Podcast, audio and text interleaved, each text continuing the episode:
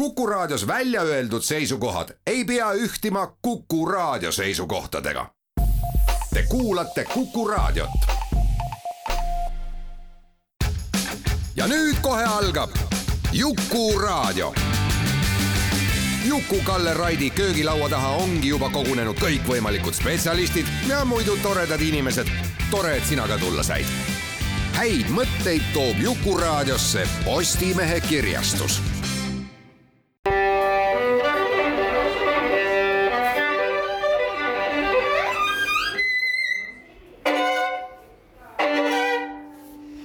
Laku panni. tere, hea Jukuraadio kuulaja, ilusat neljapäeva kõikidele.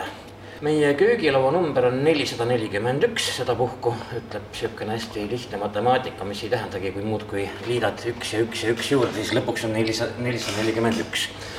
see on täiesti kindel kaks viimast saadet äh, hulkusime me natukene mööda propagandaradasid, kuna siis tuletan lihtsalt meelde, et arheoloog ja ajaloolane Krista Sarv pani Maarjamäele üles sellise äärmiselt intrigeeriva ja väga ägeda näituse, mille nimi on Plakati naine, kus siis kohtuvad Taani, Hiina ja Eesti NSV äh, propagandaplakatid, aga sellel tingimusel, et nad peavad käsitlema, kui seal peab olema naine propaganda läbi naise, nii et seda ma soovitan kiikama minna ja tõesti, me ei saanud ühe köögilauaga hakkama. sellepärast, et kui Taani ja, ja Hiina propaganda aluseid võrrelda, siis algul sa ju ei pruugigi tabada, et, et seal võib üht koma teist ühist olla. ent ometi, ometi nii on, et naise kui kuvandi kujutamine, no ja Eesti NSV sees ikka, ikkagi allub tegelikult äh, Venemaa või Nõukogude Liidu toonasele propagandale. ent äh, lugusid oli huvitavaid, aga nagu ikka, köögilauaks annab mingi asja ajendi meil alati ja mis äh, ongi väga tore, sellepärast et kui keegi satub köögilauda, siis on ju selleks tavaliselt mingi ajend. Kui näiteks kuulajal käivad inimesed külas, siis reeglina nad tulevad mingil ajendil. Ja see ajend on äh, Teaduste Akadeemia presidendi Tarmo Soomere raamat Ilmast ja inimestest, mille andis välja kirjastus Ilmamaa. Suhteliselt äsja, võib-olla heal juhul kuukene ta, isegi vast vähem, on ta olnud lettidel. Eesti mõtteloo sarjast, mida siis kunagi hakkas koostama ja ilmselt suures osas koostab ju tänaseni Ando Runnel. nimelt siis Tarmo Soomere esseistika ja nagu ajendis kombeks, me ei hakka äh, esseistikat ette lugema ega ka täpselt äh, ümber jutustama, aga igal juhul köögilaual on väga hea meel, Tarmo, et ta on katnud ennast sinuga. on äärmiselt me meeldiv siin olla, eriti kui lõhnav tee ja soe tee äh, lausa paitab kurgulage sul on see raamat, me võib-olla võtame kindlasti mingid teemad, aga ma, mulle meeldis kohe, tuli meelde, millest ma tahaks alustada, siin on üks essee poolsurnud kassist rehepappliku teemani kus sa siis räägid teemonist, kratist äh, ja, ja rehepapist, kuidas äh, lõppkokkuvõttes, äh, kuidas kõik kaheksa miljardit inimest, lihtsustame natukene, tahaksid tegelikult elada nii rikkalt nagu puidutööstuse ärimehed, aga see ilmselt on võimatu. Muuseas, kuna see kaheksa miljardit inimest enam-vähem noh, just nüüd ju alles täitus siin maakeral, siis see on küll niisugune number, millest võiks pajatada. Seda enam, et ma vaatasin huvi pärast järgi, kusagil interneti avarustes ehm, liikleb selline, selline külg, et kui sa sise, sisestad oma aasta ja sünnikuupäeva, sünniaasta, sünnikuupäeva, siis sa saad enam-vähem, no ütleme laias laastus teada, mitmes inimene sina võisid siis maailmas olla, nii. ja kujutame nüüd pilti, mina olen neljakümne kaheksa aastane ja ehm, maalin neli koma millegagi miljardit alles, nüüd on kaheksa. nii et sina siis oleksid ilmselt kusagil kolme miljardi juures, ma arvan. See on siis päris nagu keskpõrandal ju yeah. enam-vähem mediaani koha peal. ma kipun arvama jah, et mina olen kuskil kolme miljardi juures, ma mäletan kadunud äh, akadeemik Hillar Aaben tuletas ikka meelde, et kui tema sündis, siis oli inimesi ikka veel alla kahe miljardi, kas alla miljardiga, seda ei mäleta aga mis see kaheksa miljardit siis ikka nii väga palju on, et Eesti riigieelarve on ju vist üle kolmekümne miljardi euro, nii et Eesti riigieelarvest saab igale inimesele neli eurot. Jah, mis on nagu väga, väga võimas loomulikult, aga olgem nüüd ikkagi ausad, see, see neli eurot igale äh, tegelasele, kaheksale miljardile, see võib olla, mm, see ei ole ilmselt niisugune kvaliteet, mida need kõik kaheksa miljardit inimest tahavad, kuigi noh, päris nelja euroga vist aastas osa maailmast ei ela, aga võrreldes meiega äärmises vaesuses ikkagi küll. Ja ilmselt need käärid kogu aeg muudkui eh, suurenevad. See on tõsi, polariseerumine kasvab eh, nelja euroga. Ameerika Ühendriikides saab eh, natuke rohkem kui ühe tassi kohvi, kohvi kõrvale õieti midagi ei saagi. küll aga mõnes vaesemas riigis saab siis terve perekond, perekond nädal aega elada ja see on üks meie maailma üks kahetsusväärseid omadusi, et polariseerumine on läinud järjest kangemaks ja kangemaks. väga väike hulk inimesi äh, valdab ja haldab väga suurt osa maailma ressurssidest, tekitab suure osa äh, nendest äh, ainetest, mida tegelikult ei peaks paiskama meie atmosfääri vette ega, ega mulda. ja siis ka kasutab ära suure osa ressursist mida tugevam on polariseerumine, seda tugevam on üldiselt ka rahulolematus.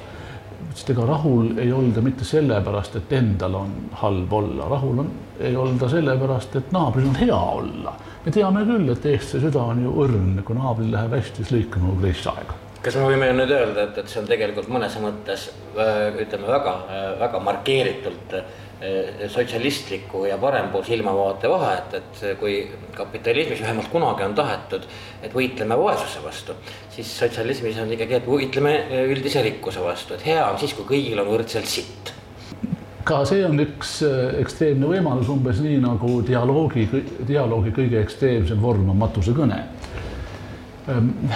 Probleem on ju eh, pigem selles, et need, kes tunnevad, et neil ei lähe hästi need on ju alati teatud pingete allikas. ja laiem probleem on ju selles, et me oleme saabunud nüüd aegkonda või ajastusse, mis koosneb põhiliselt kriisidest.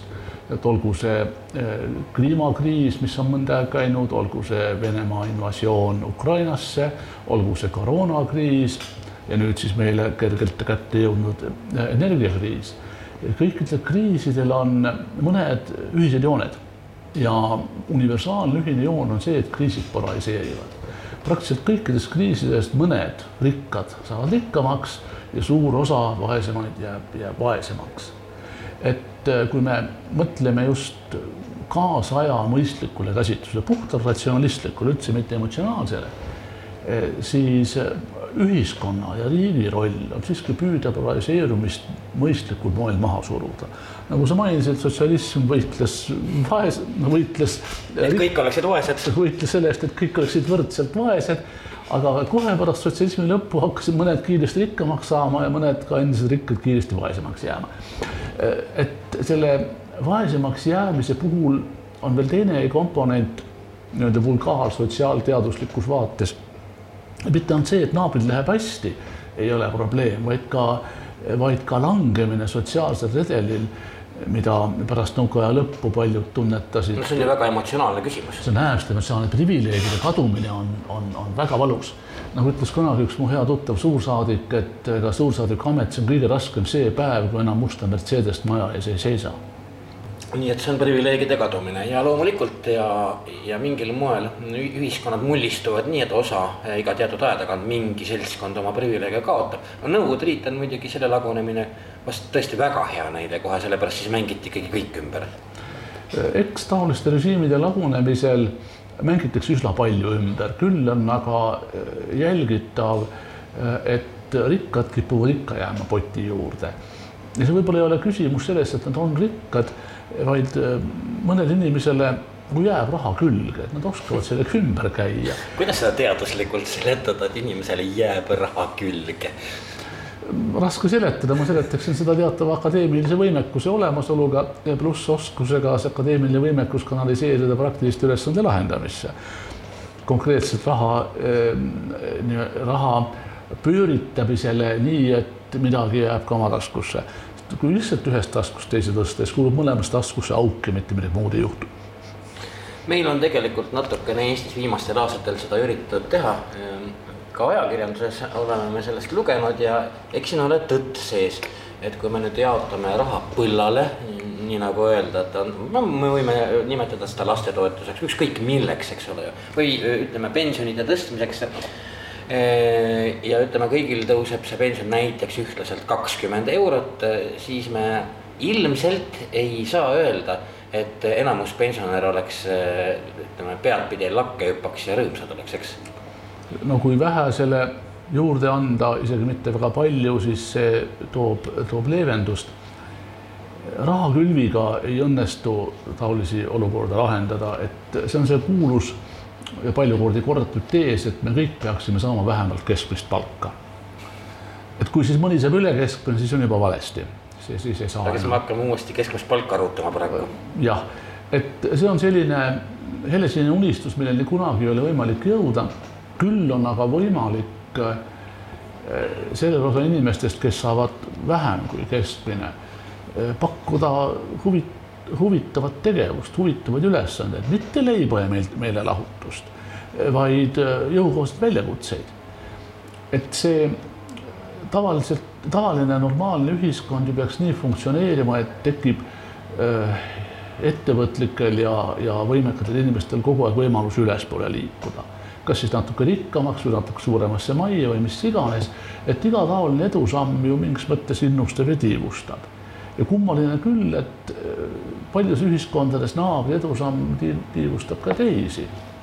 seda olen ma juhtunud mitu korda oma elus kogema, et kui õnnestub mingis valdkonnas kasvõi külakooli või omaaegse rajooni praeguse maakonna tasemel eh, liikuda eh, tegijate sekka, siis kiiluveest tulevad paljud järgi. Eh, ja eks see ongi ju ka see, kuidas ühiskond areneb. keegi teeb eduka väikese ettevõtte, selle ettevõtte sees saab järgmine osa seltskonnast koolituse, mitte niivõrd hariduse, kuivõrd harituse selles vallas.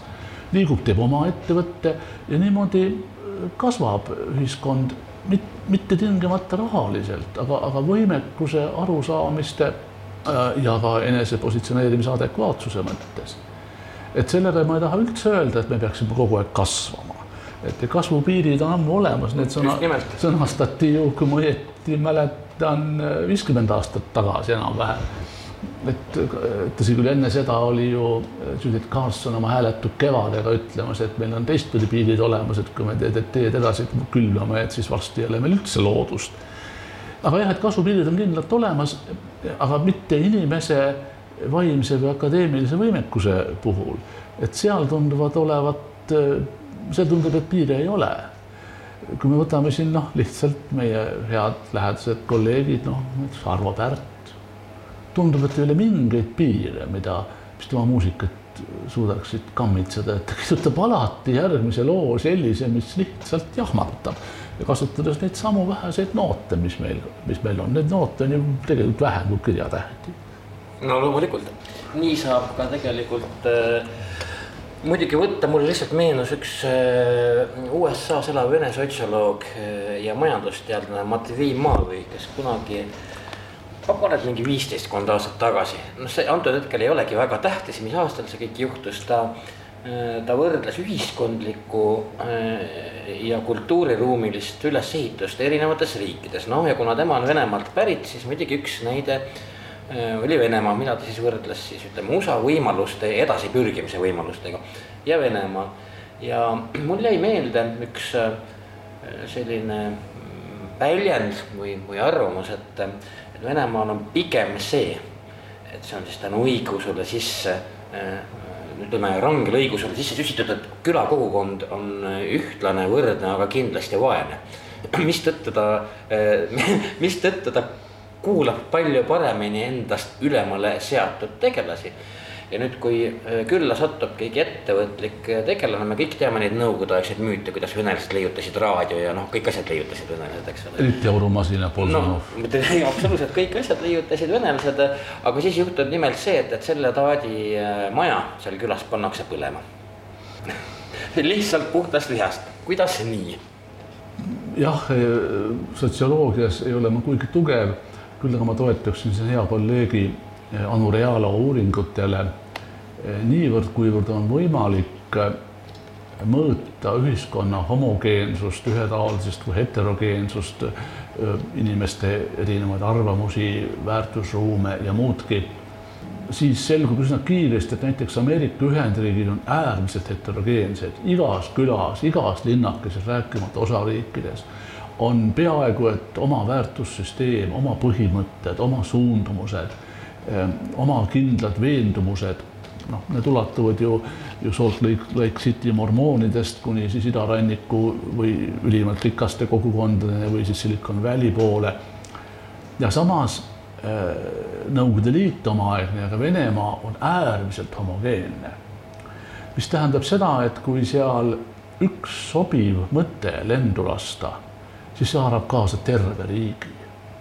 selles mõttes on Venemaa väga huvitava saatusega, ei ole ka selge, miks ta nii homogeenseks on kujunenud, see tõeline rahvaste paabel, veel suurem rahvaste paabel, kui on Ameerika Ühendriigid aga kui Ameerika Ühendriikides äh, rumal idee lihtsalt ei saa kaugele levida, et see on nagu püüe, püüdes käia mööda soomättaid rumalas suunas, noh, ei jõua kaugele, jääd sohu kinni, enne kui laukasse kukud. Aga kui käid mööda libedat jääd, siis jõuad üsna varsti lahvanduseni. tundub, et kõik on ilus ja korras ja, ja läheb kui leps ereega. et äh, selles mõttes on, oleme muidugi situatsiooni ees, kus äh, Venemaa mõistmine, ma mõtlen Venemaa oleva mõtlemise mõistmine on läänemaailmas üsna lapsekingades. ja eks see on ka üks neid põhjuseid, miks suur osa lääne analüütikutest ei suutnud lõpuni uskuda kahekümne neljanda veebruari hommikuni sel aastal, et Venemaa võib niimoodi Ukrainasse tungida aga see oli nagu kõrvalteema, et ma tahtsin just rõhutada, et, et pealtnäha väga sarnased riigid ja me võiksime arvata, et Ameerika oma, oma rahvast sulatas ahjuna võiks olla väga homogeenne, ei ole. Venemaa on homogeenne.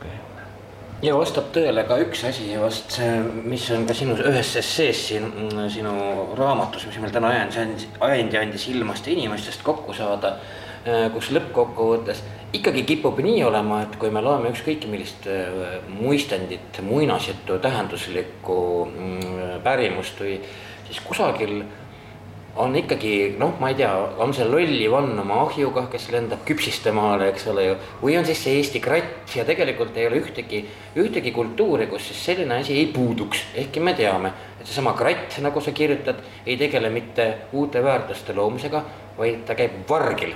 Ta tegelikult jagab ümber ainult, mitte ei loo midagi uut. ja osa kaotab muidugi ära ka äh, toomise käigus, mäletame ju Kivirähu raamatut Rehepapp, kuidas äh, Kratil läks ikka, ütleme nii ka pool röövitud saagist küll pillas maha, küll juhtus midagi muud selles mõttes on see analoog selle raha ühest taskust teise tõstmisega äh, ja ka rahakülviga helikopterilt, et selle kaudu noh, näpud õnneks ei kulu, nahk taastub, aga mis juhtub, et tasku põhja kuluvad augud ja kopiks kukub sealt lihtsalt välja. ma ei arva, et, et üldse ei tohiks tõsta rahast, raha ühte, ühest taskust teise, vahest on tarvis noh, panna kõrvale midagi, vahest on tarvis teha investeeringuid, vahest on tarvis lihtsalt sorteerida raha, lähed suur, suuruse järgi. ilus teha ka annetus, eks ole ju kuhugi. jah, ja väga palju võimalusi on, on, on selle, selle, selle jaoks, aga et riigi eesmärk ei tohiks olla Äh, ainult raha ümberjaotamine, et riigi eesmärk on, on palju laiem, et polariseerumise leevendamine ja tagasihoidmine, see on see, mida ei saa raha ümberjaotamisega. et äh, ega siis endiselt need, kes on rikkad ju võtavad selle raha ju vaesema osa käest ju kiiresti tagasi see vana Aafrika mõte, kulunud mõte, et kui keegi on näljas, et ära anna talle kala, anna talle õng muide, aafriklased ise ei tea, et see Aafrikast pärit on, ma kontrollisin paari kuu eest Alžeerias. Nii, aga anna talle õng, nii. anna talle õng, et ta saaks ise endale kala, kala püüda. püüab palju kala, paneb püsti väikse töökoja, alguses küpsetab kala ja siis hakkab õngesid valmistama. ja äh, siin just, et uuesti sellest võib nagu tunduda, et ma kiidaksin takka lõpmatut kasvu, ei, et äh, seda mõistlikult tehes eriti jälle nendes al-, algühiskondades või pärismaalaste ühiskondades, seal peetakse väga piiri, kus tohib ja kui palju tohib kala püüda. tabu mõiste ju, ju kaugetes maades sisuliselt tähendab looduskaitset, see algas looduskaitsest, et kudemiskohtadest ei tohtinud ju kala püüda, see oleks väga rumal. et ühiskonnal inimestel on siiski võrdlemisi tugev eneseregulatsioonimehhanism me oleme suure osa sellest äh, siin meie arenenud riikides kaotanud, pannes lootuse riigi valitsejate ja kogu riiki valitseva süsteemi peale, et küll see meie eest mõtleb. Ehm, rahvastel, kes on rohkem kontaktis loodusega, seda lootust ju üldse ei ole, nad peavad ise hakkama saama. okei okay,, et nad pööruvad, pöörduvad siis mõne kõrgema vaimu poole, kes nagu äärmisel juhul asjad korda ajaks, aga üldiselt peavad nad ise hakkama saama.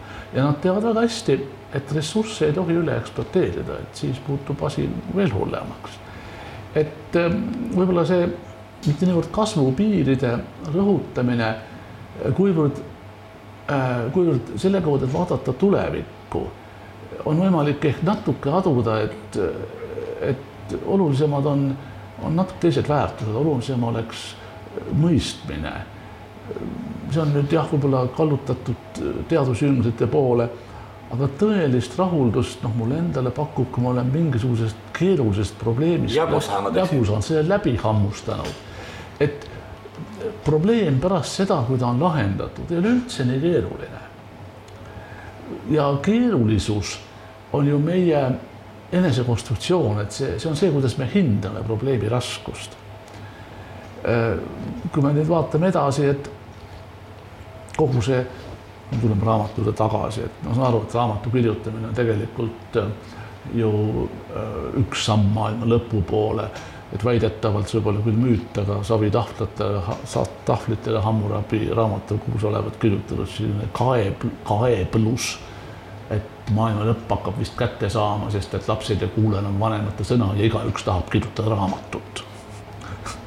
Nüüd me oleme selles, sellele ajale nüüd palju lähemale ka jõudnud võrreldes Hammurabiga, et lapsed tõepoolest ei taha enam kuulata vanemate sõna ja, ja tõepoolest praktiliselt igaüks tahab kirjutada raamatut, kas siis ise või teiste abiga aga see ei ole nüüd niivõrd oluline.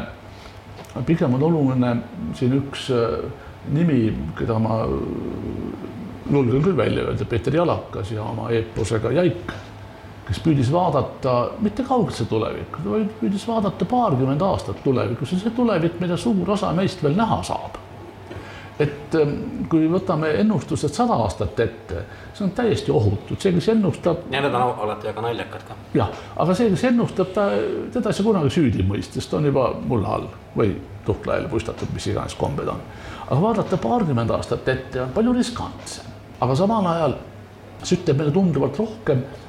Äh, ja, ja sellised ettevaated võimaldavad ehk natukene äh, murda seda, äh, seda paradigmat, et me alati alahindame igasuguste muutuste pikaajalist mõju ja kipume üle hindama või lootma rohkem nende lühiajalise mõju, mõju osas. et kui midagi teeme, ma ei tea, paneme püsti veebi, teeme nutitelefoni, loome tehisintellekti. vabandust, tulevad järgmised valimised ja, ja igal parteil on sõnum, et kohe lahendame lühiajaliselt kõik probleemid ära. jah, absoluutselt, aga et mis tahes suure muutuse puhul me ei tunneta neid, neid mõjusid lühikese aja vältel ja me kipume neid just, just lühikese, lühiajalise mõjusid äh, üle hindama ja pikaajalise mõjusid alahindama.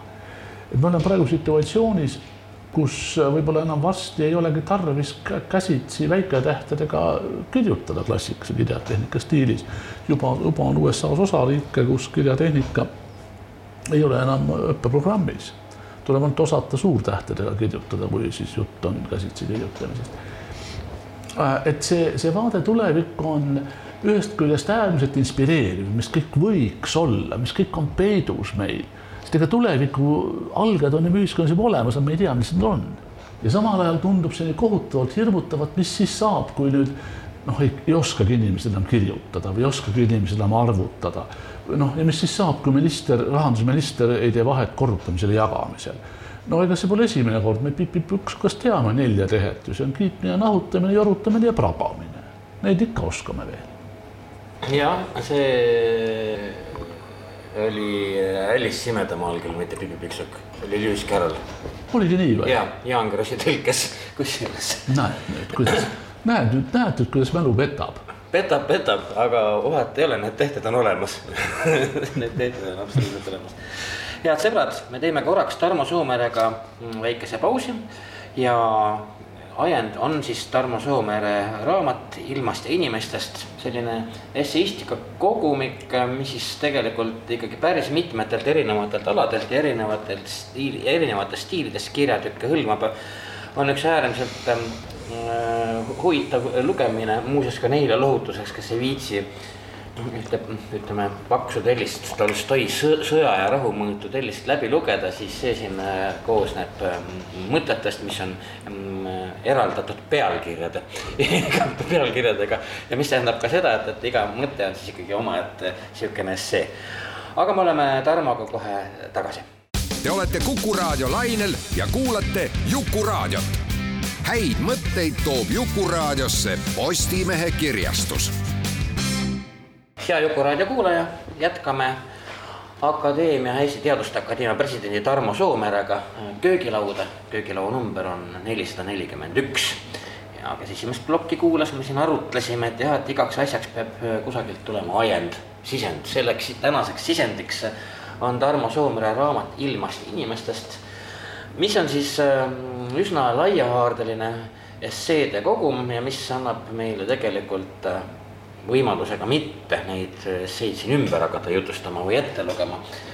vaid nagu pealkirigi ütleb, rääkima ilmast ja inimesest, Tarmo, et sa ütlesid siin enne jah, et sa ei poolda lõputut kasvu ja, ja loomulikult see on ka võimalik, võimatu, ühesõnaga see lihtsalt on võimatu. Ehm, paraku paljud inimesed kipuvad sassi ajama veel ühe asja tihtipeale, et noh, et kui suur on majanduskasv, okei okay,, meil läheb hästi siis, kui see on kümme protsenti. ei pruugi nii olla üldse, sest tihtipeale, tihtipeale on see, et, et äh, kiirem majanduskasv ei nõua äh, looduselt nii palju ressursse, kuivõrd odavamaid lahendusi lihtsalt. Äh, säästlikke, säästlikumaid ka see on jah, kummaline värk, milleni me oleme jõudnud alles nüüd, kui inimkond on kasvanud ikka väga mitmete miljarditeni ja see laiem kajastus või peegeldus seondub äh, nimetatud Jevonsi efektiga, mis toimib siis, kui tuuakse välja uus tehnoloogia. pärineb see sellest ajast, kui hakati Inglismaal äh, paremini sütt kasutama, tulemusena söe kasutamine kasvas kiiresti. Et äh, uus, uue tehnoloogia võtab kasutusele hästi palju inimesi, see on odavam kui vana, ta on puhtam kui vana, ta on ka siis moraalselt nagu parem, ta nagu, nagu ei, ei rõhuta nii kohutavalt seda kasvu, aga tulemus on see, et kasvab nii ressursivajadus kui ka reostamine kui ka energiavajadus. ja see nõiaring lõpeb siis, kui äh, see tehnoloogia, mida asendatakse, on olemas juba kogu maailmas et kui asendatakse, asendati esimene nutitelefonide põlvkond nüüd järgmistega, mis olid veel võimsamad, veel paremad, mille tootmiseks kulus vähem energiat, mis ise ka tarbis vähem energiat. see moment on see, kui me suudame muuta, suudame lõhkuda või lõpetada Givenchy paradoksi töö. et selles mõttes on ka huvitav, et äh, kui me räägime rohepöördest või roheleppest, see tundub olevat täielik helesinine unistus, aga tal on reaalne mõte siis, kui sellega tegeleb kogu maailm just nimelt, aga kui kogu maailm ei tegele, siis. siis tal jah, ei ole mõtet, siis. tal ei ole efekti nagu üldse taga. ei, ei, asi pole efektis, ma püüaks jääda ikka väga ratsionalistliku mõtteviisi juurde, et siis lihtsalt realiseerub sama Givenchy paradoks, lihtsalt natuke teisel kujul. et me küll vähendame lokaalselt, olgu siis reostust või, või kasvuhoonegaaside õhku paista, paiskamist või ressursikulu aga selle kaudu, et need, kes varem ressurssi üldse ei kasvatanud, ei kasutanud, võtavad meie tehnoloogia üle, kasvab ressursi kasutus. aga jälle sinnamaani, kuni, kuni see haarab kogu maailma. selles mõttes on, on just huvitav mõttekoht Priit Pärna, see kena film noormehest, kes alustas teed ümber yeah. maakera ja käis vanamehena tagasi, vanamehe tagasi jõudis. et see sümboli või võrdpildina on mu meelest, mu meelest hästi kena et muidugi majanduskasv on, on selline iidol, millele tuuakse praegu eelohvriks paljud muud asjad. jah, ta on arusaadav ja sa väga õigesti ütled, ta on arusaadav sellepärast, et seda on võimalik taandada ühele arvule, mida on võimalik panna telje peale. Ja siis panna ühele teljele aastad ja siis teisele teljele majanduse kasv ja siis läheb see nool rõõmsalt ülespoole aga elu ei ole ju ühemõõtmeline mustvalge, et see joon, mõtlemine ja, ja, ja ka tasandiline mõtlemine, mille kohta Juku Masing juba ammu halvasti ütles, et, et need on ju asjad, mis tegelikult seovad meid käsist ja jalust, et joone peal sa ei saa üldse ju ei, sa ei saa, sa ei saa eelkäijast ka ette minna, et sa oled, sa oled sellesse üldisesse kulgu niimoodi ära tsementeeritud, et sa võid olla kiire kui tahes ja tahes, tahes sa ikka ei saa midagi teha. Ja tasapisi võib tõmmata joone nagu riikide vahel, et sa ei saa sealt üle. aga ruumis on asjad keerukamad ja aegruumis on ju nii mõnus, et ega siis ajas rändamine on ju lihtne, nagu on autoriteed ütleb, viskad ennast diivanile ja mõtled ja muudkui rändad ajas. Edasi kindla kiirusega ja kui sa mõtled veel seal, mis see maksab või mis see kasu toob, et ma saan aru, et meil on elu siin raske, aga, aga selle meie elu sisse on ju integreeritud igal aastal üks tiir ümber päikese ja peale selle, kui sa diivanil vedeled ja kütad tuba, võib-olla vahepeal hammustad kanakoiba, eks ole, näiteks ja rändad pidevalt ajas edasi. eks ole ju, siis ja noh, väljas ei käi noh, see on sul väga rahulik see ajas edasirändamine. kõik, kõik tuleb koju kätte. ajas rändamine pole üldse probleem. küsimus on, kui kiiresti. tagasi on, tagasi on keeruline. tagasi on hetkel keeruline ja, aga selle ülesande jätaks siis füüsikutele lahendada ja meil on ju tegelikult jah, selle üle lihtsalt kõrvalepõikena ju äh, aastakümneid ja kümneid ja kümneid teoritiseeritud selle üle, et, et mil moel tõepoolest siis noh, nagu mingi paljud ähm, ulmeromaanid on seda ette kujutanud, eks ju, kuidas siin see ajas edasi ja tagamise, tagasirändamine võimalik olla, kõik ussiaugud ja mis iganes ja mis filosoofilised probleemid seal tekivad, et. Et lõppkokkuvõttes kohtumine iseendaga või iseenda kustutamine ajaloost, nii et see on igal juhul põnev. no see põnev, eriti põnevaks on see kirjutanud Isaac Asimov, Asimov oma igaviku lõpus et see on ka, see on üks võrdpilt, mis on mind väga haaranud paljude aastakümnete vältel ja see võrdpildi sügavus on hoopis mujal, mitte selles, et oleks võimalik kontrollida seal teatavaid aastatuhandeid. aga mida Asimov lõpuks ütleb, ah, ta ütleb ühe hästi meeldiva asja. Ta ütleb, et, et matemaatika ei muutu, pole vahet, kus universumis või paralleeluniversumis sa oled, võivad muutuda matemaatikud, võivad, võib muutuda teoreemide tõestamise järjekord, aga matemaatika ise on sama, no küll on meeldiv lugeda, kui nii tark inimene niimoodi arvab, eriti minul, kes ma olen hariduselt matemaatik muidugi väga turvaline. väga turvaline on, on, on tõusta konverentsil püsti ja öelda, et matemaatiku vaates näevad asjad niimoodi välja ja siis viidata asjad Kasimovile, keda enam, enamasti, enamasti pole muidugi mu kolleegid lugenud või kui on lugenud, siis on ära unustanud. aga hoopis teine asi, mis Asimovilt kõnetas mind palju sügavamalt, äh, oli see, et kui me lõikame ära mingi osa inimmõtlemise ja inimtegevuse spektrist siis me vähendame sellega inimese šansse liigina ellu jääda. Et äh, meie tugevad omadused on ju kõik pärit minevikust, me oleme kohastunud mingis mõttes. Ähm, ja, aga me ei tea, milline on tulevik ja me ei tea, mis omadus on see, mis äh, hoiab inimest kui liiki elus tulevikus. et seetõttu mingite omaduste, mingite kalduvuste sajaprotsendiline äralõikamine on tegelikult väga ohtlik tee, ütleb Asimov et niimoodi me vähendame meie võimalu-, võimalust äh, liigina püsima jääda. No sama ohtlik siis ilmselt ka, kui me keskendume ainult niisugusele lineaarsele joonele ja, ja joonistame sinna teisele teljele siis selle majanduskasvu juurde. täpselt, see on, see on pigem on see hullem, sest see võtab, võtab sellise äh, üle, üleüldise nii-öelda meeletuse vormi et me ainult majanduskasv on oluline, ainult rohkem raha on oluline, see, et raha väärtus vahepeal ära kaob. Seda on Douglas Adams ju hästi kenasti oma igaviku lõpus kirjeldanud, kui võeti kasutusele siis puulehed maksevahendina ja siis pähkel oli, oli siis võrdlev ühe salu, ühe väikese salulehtede arvuga, eks ole. et nii-öelda kinnijäämine arvudesse ja graafikutesse, tõusvasse noolesse on, on väga-väga ohtlik, et see võib ära lõigata meie, meie võimekuse tulevikku adekvaatselt vaadata. Enamgi veel, see võib ära lõigata meie võimekuse ennast adekvaatselt positsioneerida. selle kohta on Nikolai Baturi kenasti kirjutanud, et kui tahad kuhugi minna, pead sa teadma, kus sa oled.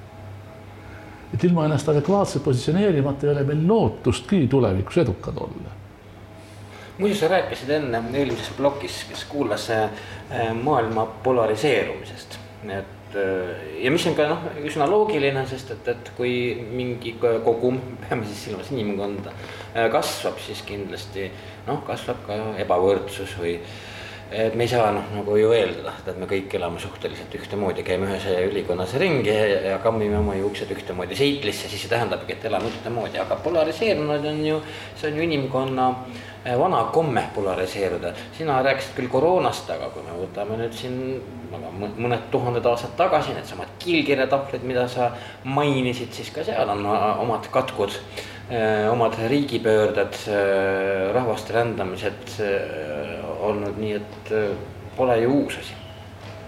Äh, ei, kindlasti mitte.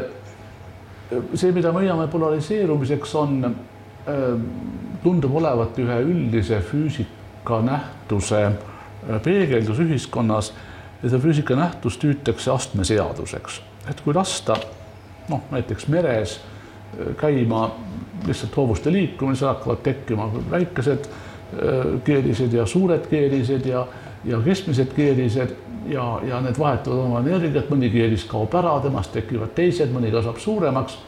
kui seda lasta, lasta pikka aega käia ja seda siis piisava hulga energiaga varustada, näiteks et tuul puhub, puhub mere kohal, siis selgub, et väga suuri keeriseid on alati, neid on vähe, keskmise keeriseid on palju rohkem ja väikese keeriseid on veel, veel palju rohkem.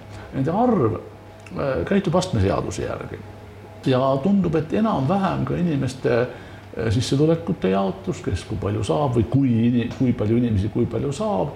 Äh, ka see kipub astmeseadusel käima, et ega siis me võime ju arvata, et me oleme looduse kroonid. Aga noh, et äh, kui seda arvamust tahta nüüd katseliselt kontrollida, siis mina ikka soovitan minna Austraaliasse või Floridasse. Ja otsida üles mõni krokodill või alligaator ja küsida, mida tema meist mõtleb hästi lähedalt küsida. jah, õige vastus on see, et tema mõtleb meist sõltuvalt kellaajast, kas kui hommikuennast, lõunasöögist või õhtusöögist. või on tal täiesti ükskõik, kui on kõht täis? ta mõtleb siis järgmise päeva peale et eh, selles mõttes enesepidamine looduse krooniks on üks kõige suuremaid, kõige fundamentaalsemaid vigu, mida, mida inimene saab teha juba, juba see, et füüsikaseadused kipuvad väga toimetama inimühiskonnas sissetulekute jaotuse, äh, sissetuleku jaot-, sissetulekute jaotust nii-öelda kujundades.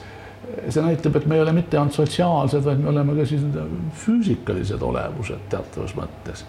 et need seadused tunduvad olevat äh, veel universaalsemad kui Newtoni seadus. no me teame, et kõige universaalsem seadus on Murphy seadus kõik, mis muidugi, see töötab. see töötab alati. absoluutselt. alati, et see on võib-olla kõige universaalsem, sealt kohe siis teisel kohal on siis need seadused, mis, eh, mis kujundavad mingit, mingi suurusega nähtuste arvu jaotust. ma saan aru, et see kõlab väga hirmuäratavalt, jaotus ja ma saan aru, et siis kohe tuleb matemaatikute silma ette kinnine puamadu, mis on see Gaussi normaaljaotuse suhteliselt halb mudel, on kahetipulise jaotuse mudel.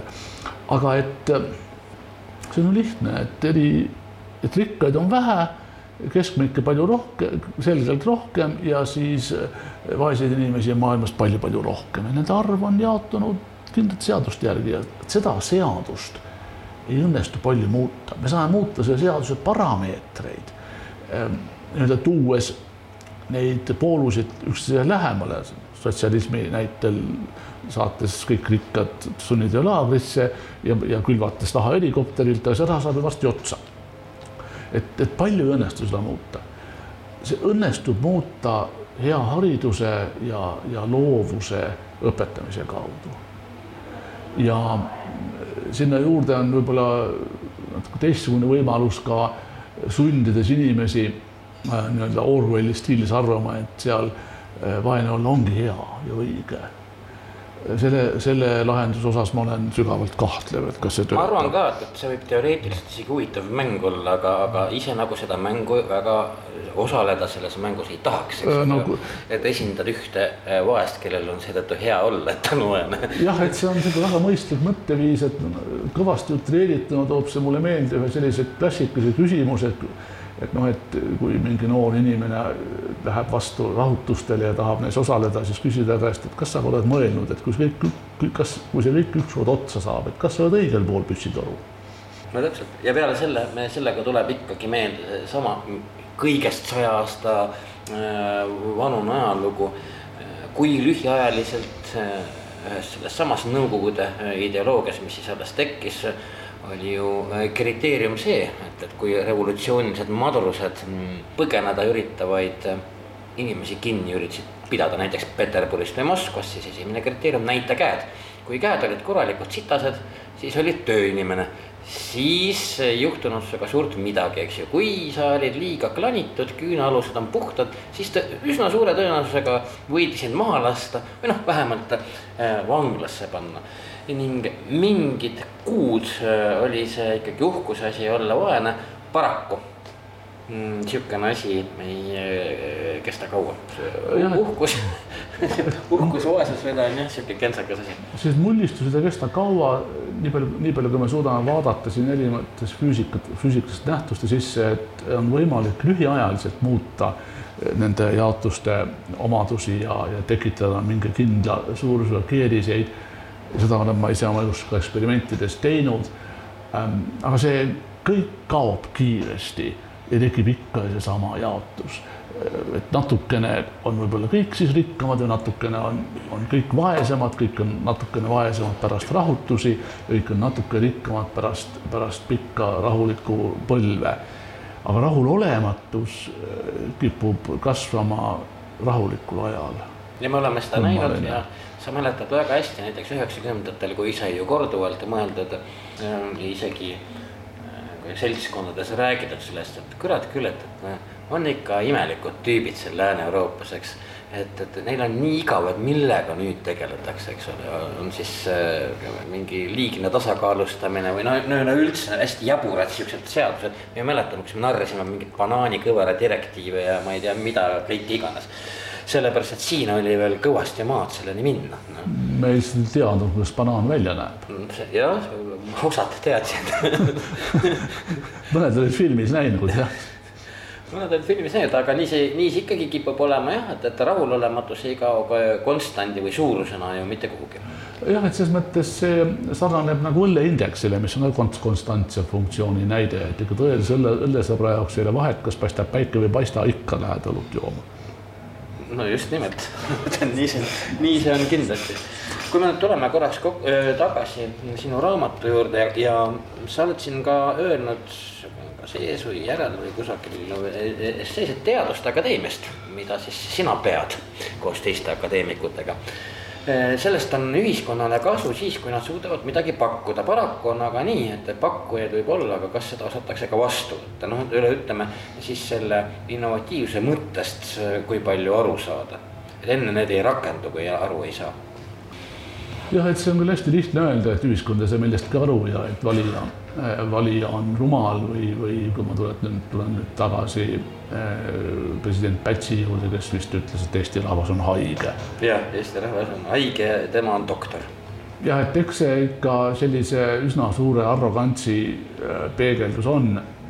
ma tuletan ikkagi meelde äh, kommunikatsiooni aluspõhimõtted, võib-olla see kõige enamini on, on see Ameerika meedialahutaja Groucho Marx ju öelnud, et enne kui ma lähen inimestega rääkima või lavale, et mul peab olema midagi, mida öelda ja sinna juurde on siis nimetud äh, mõtlejad äh, öelnud, et kui te, kui sa pead kõnet või, või kirjutad artiklit või, või mis iganes, et see on äh, sinu kohus teha asi kuulajale selgeks. see, et sõnum kohale jõuaks, on sinu ülesanne, mitte kuulaja ülesanne. Äh, kuulaja harimine on nagu teatavas mõttes võimalik, me nimetame seda siis eh, diplomaatiliselt kuulamisvõimekuse tõstmine või nii. Eh, seda teevad väga efektiivselt põhikool, gümnaasium, ülikool, mitmesugused mikrokraadid, kõik nad tegelikult suurendavad kuulamisvõimekust. Eh, et kui akadeemia esitatud sõnum ei saa ühiskonnas kandepinda, siis peab akadeemia võtma ikkagi peeglisse vaatama ja akadeemik samuti me ei saa kunagi eeldada, et kõik saavad kõigest aru. Aga kui massiivselt ja, ja süstemaatiliselt ei saada aru akadeemia sõnumist, et siis ei pruugi olla viga selles vastuvõtvas pooles. Ehm, ja see on üks aspekt, mille kallal on akadeemia nüüd peeglisse vaadanud üsna mitmeid aastaid ja kõvasti tööd teinud enda kallal. sinnamaani välja, et me selles mõttes harjutame noort põlvkonda süstemaatiliselt, kuidas oma sõnumit sõnastada, kuidas rääkida ühiskonnaga, kuidas, kuidas võtta omaks see vastutus, et see on, see on rääkija vastutus, et sõnum kohale jõuaks. et äh, kuidas töötab kommunikatsiooniteooria, et kommunikatsioonis ei ole ühte poolt, on teine pool ka. ja kommunikatsioon ei ole piiksud või, või tulistamine puusalt pimedusse, kommunikatsioon sünnib siis, kui need piiksud või sõna, sõnad on vastu võetud, dekodeeritud ja midagi aru saadud, võib-olla mitte nii, nagu meie ütlesime mm, -hmm. aga kuni ei ole sõnu vastu võetud ja aru saadud, ei ole kommunikatsiooni, see ei ole teist poolt. me võime sama selle puuslikule siin, siin köögis rääkida. siin on köögilauas on nagu niisugune puustskulptuur. ja, ja, ja ega siis me ei saa öelda, et üldse ei reageeri, ta peegeldab helilaine, helilained ju laiali, reageerib küll igal juhul reageerib. jah, et, et see on nüüd see koht, kus äh, on äh, natuke meis veel nõukaaegset arrogantsi. Anto Raukas, kadunud akadeemik Anto Raukas armastas ikka öelda, et nõukogude ajal oli akadeemik jumal. et kohutavalt tahaks olla jumal, eks tahaks no see on vist sisse programmeeritud ka inimese olemusse, kui sa mõtled neid Eh, neid muinasjutte sellest kuldkalakesest ja ta on ikka ja. nagu väga-väga sügaval sees. Eesti rahva jaoks oli, oli siis selle õndsuse tasemeks see, kui sa said siis kuningaks, see tähendab, et sa olid vaba mees ja ja, ja sa ei allunud kellegagi, see on ju enamus muinasjuttude lõppusid. ja ära unusta ka kahte kasukat ja sularasva, mida kuningas päevad otsa tarbida võis. just nimelt, et need soovid olid suhteliselt tagasihoidlikud. aga ega siis, ega siis filosoofia sellest, sellest ei muutunud. ei nüüd jälle ikkagi noh, tulla selle juurde tagasi, et akadeemia liikmed on nagu üle keskmise haridustasemega ja, ja kõik on oma eriala midagi väga vinget teinud. et Äh, neis on ka suhteliselt arenenud see tunnetus, millest ma räägin, et nad tunnevad vastutust selle eest, et nende sõnum ikkagi, ikkagi kohale jõuaks. ja vahest nüüd pöörata see teistmoodi, et eks muidugi äh, ei taha vahest akadeemikud mõnel teemal sõna võtta. no kuidas sa saad sõna võtta teemal, mida sa ei val valda? Et lihtsalt see nagu ei, ei käi kokku selle sinu, sinu pagunitega. nüüd ma olen küll kujunenud erandiks, et neid teemasid kus ma pean sõna võtma, mida ma ei valda, on ju, on ju kümneid, aga midagi parata ei ole, et et eh, keegi peab seda ju akadeemias siis tegema ja eks ma siis uurin tarkade käest, et mida, mida öelda, mida öelda ja püüan siis selle, selle sõnastada nii, et see ei läheks loodusseadustega vastuollu. suurem osa sellest raamatust on ju just nii kirjutatud, et, et on tungiv vajadus, et akadeemia midagi ütleks mõnes valdkonnas, millest mul ei ole aimugi nii et ma olen vist suure osa lugejaid ja kuulajaid ära petnud. No vot, me saame katse teha peale seda saadet, mida inimesed arvavad, nad siirduvad kaubandusvõrku, eks ole. võtavad kena rohelis-kaanelise Tarmo Soomere ilmast ja inimestest äh, raamatu ja eks me siis paratamatult saame teada sellepärast, et muuseas teadmistel on komme ikkagi ringelda. kui kellelegi su tekst ikka väga ei meeldi, siis see kipub sinuni ringiga tagasi jõuda. jah, et see, et kui ei meeldi, see jõuab palju kiiremini. see jõuab hästi. see, kui meeldib. Jah, et äh, see on ju laulusalm, et head sõnad ju on nii raske leida, eks. jah, nii on aga Tarmo Soomere, Teaduste Akadeemia president, me rääkisime täna sinuga ilmast ja inimestest, ajendi äh, köögilaua saateks andis seesama samanimeline raamat. ilmamaa kirjastus andis selle välja, üldse see mõtteloosari on see, mida mina pean aastate pikku pidevalt kiitma, sest sealt äh, popsab kogu aeg veel äärmiselt huvitavat meie oma kultuuri varasalvest mida sa ei pruugigi üldse teada, aga mis osutub äärmiselt põnevaks, nii et nüüd oled äh, siis just, just sattunud ka sina uuesti sellesse äh, kohta. nii et, et äh, ma ei oska midagi muud öelda, ma loodan, et sinu sõnu saadab edu. ma soovitaksin teha hoopis teistmoodi katse, et minna, osta see raamat mitte lugemise jaoks, vaid panna see nähtavale kohale oma töölaua nurgale. ma võin lubada, et inimeste arvamus teist muutub, aga ma ei tea kunagi, mis suunas väga hea, igal juhul mingi liikumine toimub ühes või teises suunas. aitäh sulle, Tarmo, me näeme kindlasti äh, köögilauas veel, meil oli neljasaja neljakümne esimene Jukuraadio köögilaud ja tänan, et sa tulid. ja see arv jagub üheksaga. no vot, nii seda ütles matemaatik, palun väga kas mina selle peale sain, oleksin tulnud ei ootame siis järgmist köögilauda, vaatame, millega see jagub. aga see üheksaga kindlasti jagub, see ja kui see kolmega. väga hullem lugu, veel, veel hullem lugu. nii et ikkagi aitäh ja meie kohtume järgmine kord, tänan, Tarmo.